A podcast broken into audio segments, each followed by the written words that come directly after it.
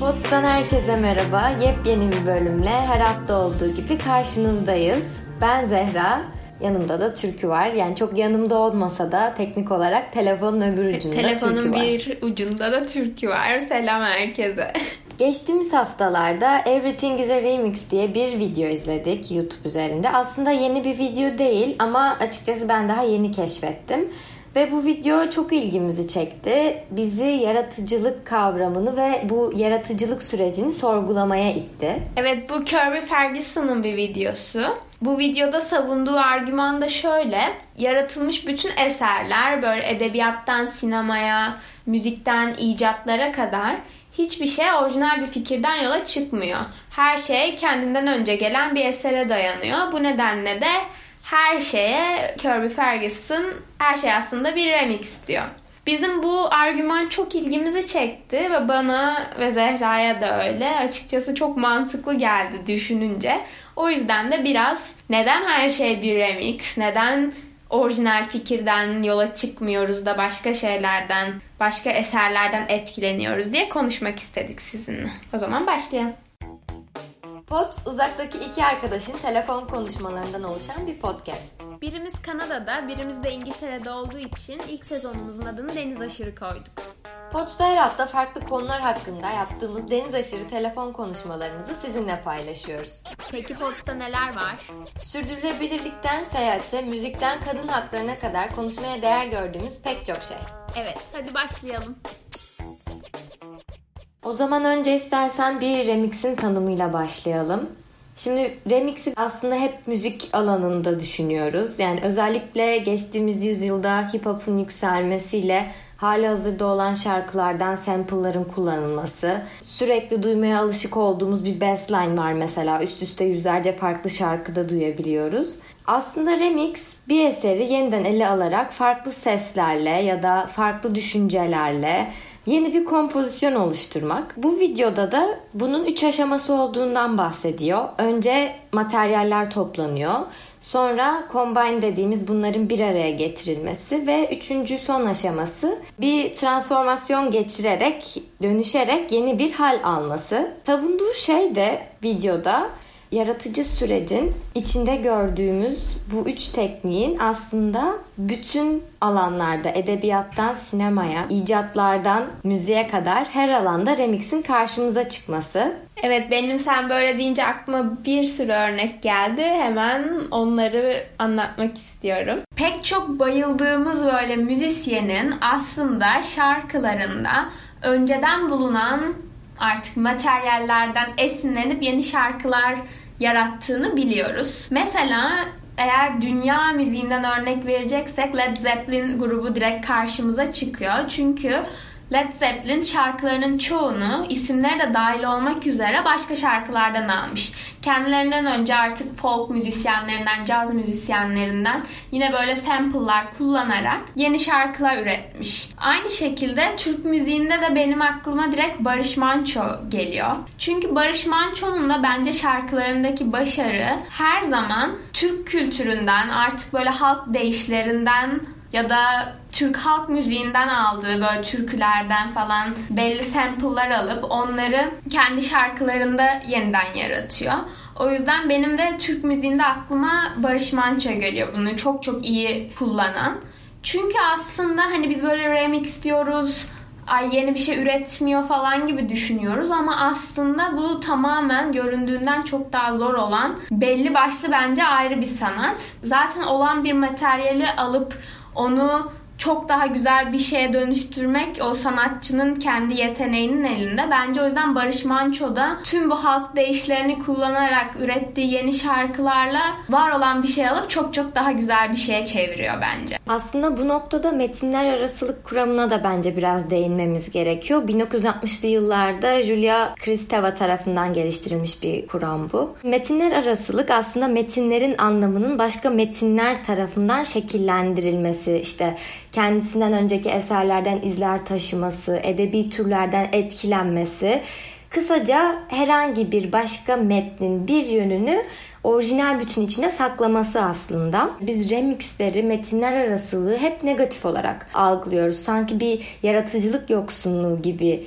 geliyor bize ama bir şarkının remix olması yapımında hiç yaratıcılık olmadığını da göstermiyor. Çünkü yaratıcılık dediğimiz yaratma eylemini hep sanki sıfırdan, yoktan var etme gibi düşünüyoruz ama mevcut olanların üzerine ekleyip ortaya koyduğumuz şeyler de mesela kolajlar aslında gayet de yaratıcılık içeren çalışmalar. Kesinlikle. Mesela çok başarılı filmlere baktığımız zaman direkt aklıma Star Wars örneği geliyor mesela. Star Wars'ta bile filmi açıp baktığınızda hem başka yönetmenlerden çok fazla başka filmlerden esinlenildiğini görüyoruz. Mesela Kurosawa'dan esinlenilmiş, Fritz Lang'in çok çok sevdiğim Metropolis filminden bir sürü esinlenme var. İyi kötü çirkinden direkt mesela aynı sahnelerin alınıp tekrar kurgulanması gibi alıntılar var. Star Wars deyince aklıma gelen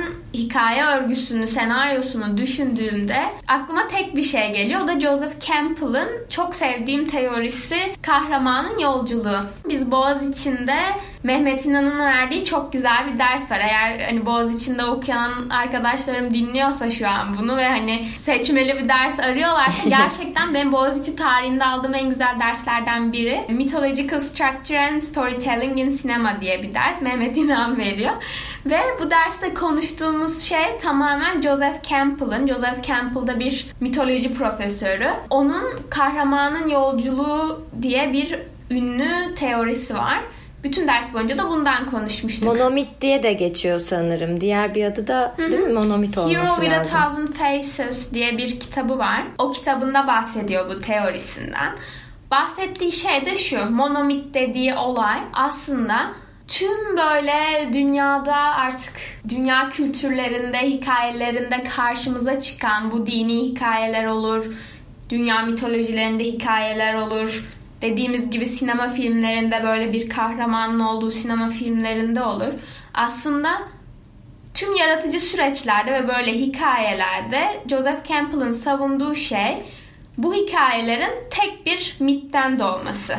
Yani dünya üzerinde tek bir mit var ve bu bir mit tüm hikayeleri etkilemiş. Ve bu hikayelerde onların aslında farklı remixleri gibi olmuş oluyor düşündüğünde. Ve bunu 12'ye aşamalı bir yapı çıkararak bize anlatıyor teorisini.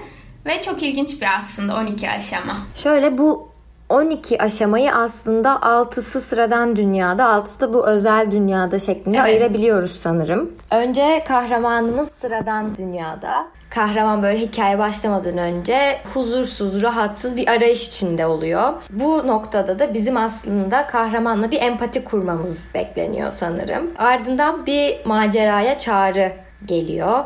Bir problem, meydan okuma ya da atılacak bir macera sunulduğu yer burası.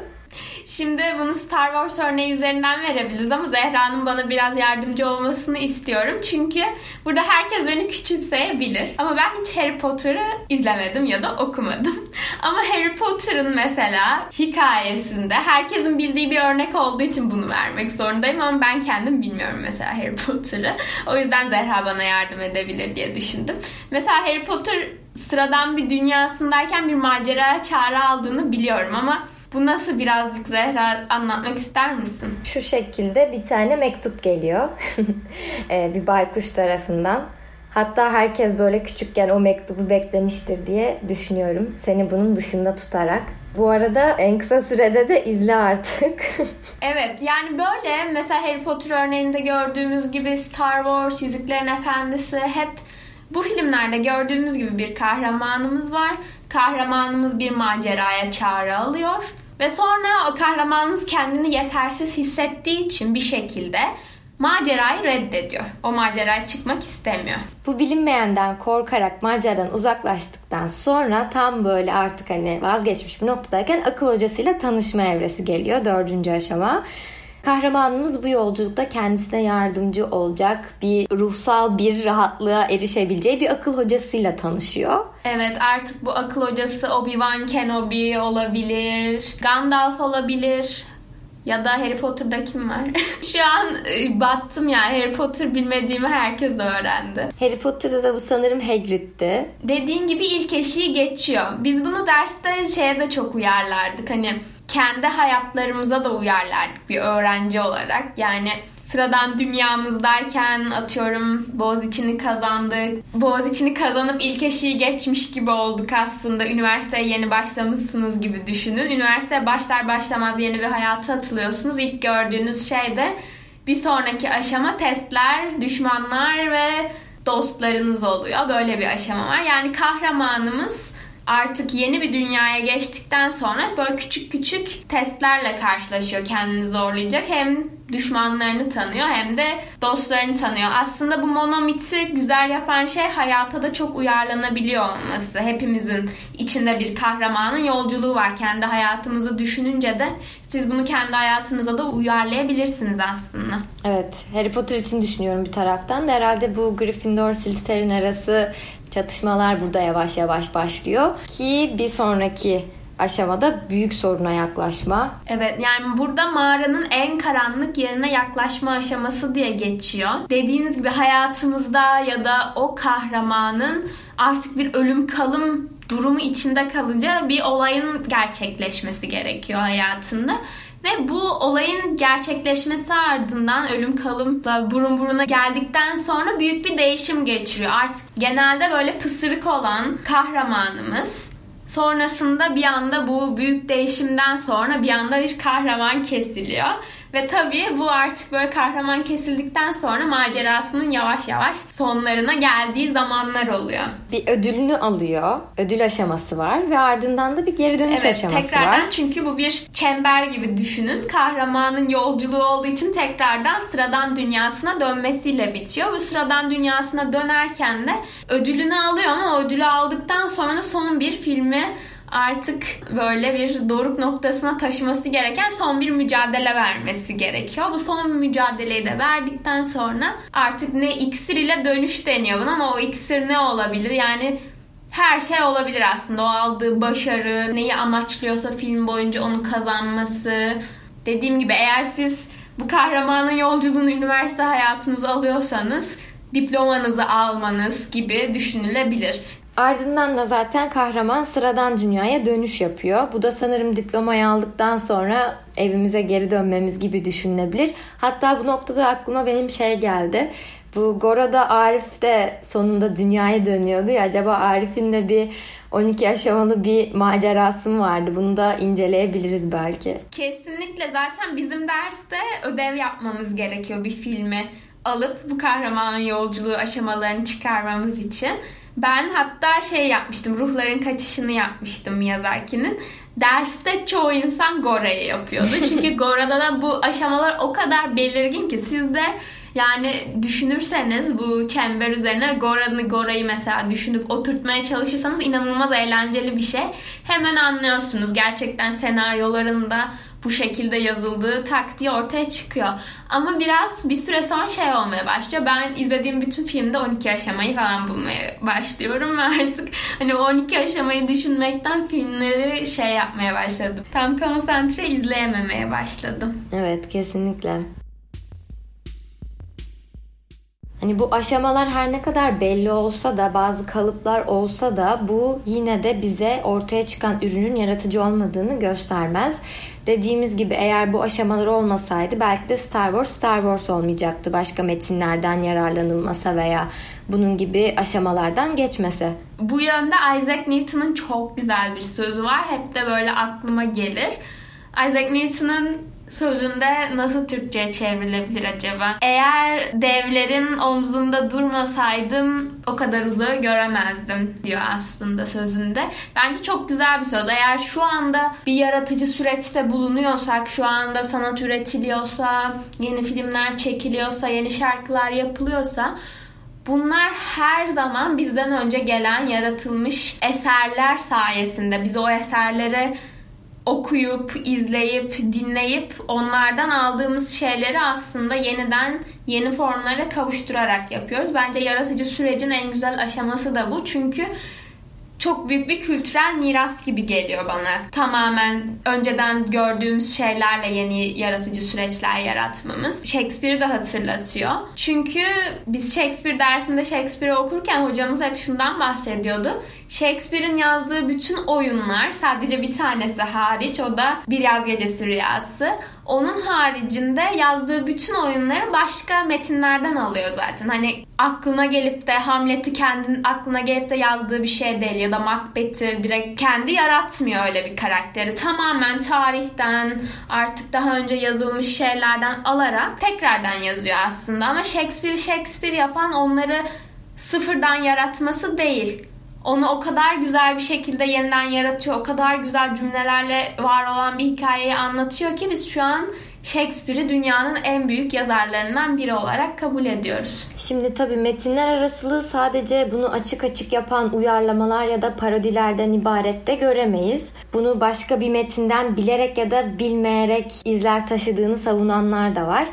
Ben de bu konuda Cemil Meriç'in bir sözü var. Onun hep çok doğru olduğunu düşünmüşümdür. Diyor ki her yüzyılda yalnızca birkaç kişi düşünür, geri kalanlar sadece düşünülenler üzerine düşünmeye çalışır diyor. Gerçekten de tarih boyunca günümüze kadar gelmeyi başarmış eserlerden, düşüncelerden, icatlardan etkilenmeden bir şey ortaya koymayı başarmış kaç kişi vardır acaba merak ediyorum. Çevremize dönüp baktığımızda aslında yani her gün severek kullandığımız, işimize yarayan ürünler bile mesela bilgisayar gibi hep kendisinden önce gelmiş belirli teknolojilerin birleştirilmesiyle aslında ortaya çıkmış. Bence geçmişten bağımsız bir ilerleme kaydedebilmemiz gerçekten zaten çok zor olurdu. Bu da bizi Newton'un sözüne getiriyor sanırım. Kesinlikle bilgisayar örneğini verdin. Şu anda aklımıza Apple geliyor. En böyle tasarım harikası, güzel bilgisayarları yaratan. Ama Apple ilk çıktığında Apple'dan önce Xerox diye bir firma var ve Alto adlı ilk bilgisayarını çıkardığında çok başarılı. Ama Apple'ın yaptığı şey şu. Apple Alto'da var olan bazı özellikleri alıyor. Zaten Remix'in aşamalarında bunu söylemiştik. Almak, kombine etmek ve değiştirmek. Aynı şekilde Apple da onları alıyor, kendine göre değiştiriyor ve Lisa ve Macintosh'u çıkarıyor. Hatta böyle ilk Xerox bu şeyi masaüstü metaforunu o kullanıyor mesela. Daha önce masaüstü gibi bir sürekli kullandığımız bir metafor da yok. Apple bunları alıyor ve kendine göre yeniden en iyi özellikleri alarak çok daha iyi bir şey yaratıyor. Bu teknolojide de var. Bahsettiğimiz filmde de edebiyatta da var. Mesela popüler kültürde de çok olan bir şey. Aklıma şu an şeyler geldi. Son zamanlarda biliyorsun çok popüler mimler var ve Instagram sayfaları var böyle mimleri paylaşan. Bakıldığında mimler de bir görsel ve metin arasındaki ilişkiden yepyeni bir şey çıkıp bizi güldürüyor. Yani bir mimi algılayabilmemiz için gerçekten hem görseli algılamamız lazım hem de üstünde yazan yazıyı algılamamız lazım ve bu metinler arasılıktan çıkan ürün de şu anda bizi güldürmeyi başaran çok böyle popüler kültürün bir parçası haline gelmiş bir şey. Buna bence mimleri de remix olarak örnek verebiliriz. Güzel bir örneği. Zaten kimse orijinalden yola çıkamıyor yani. Bu insan olmamızın bir gerekliliği. Her zaman bizden önce bulunmuş olan şeyleri yeniden işlememiz gerekiyor. Ama her zaman dediğimiz gibi bunu yapıyor olmak kötü bir şey değil. Olan bence olması gereken ve güzel olan şey bu. Bir sürü örnek verdik. Shakespeare örneğini verdik. Steve Jobs örneğini verdik.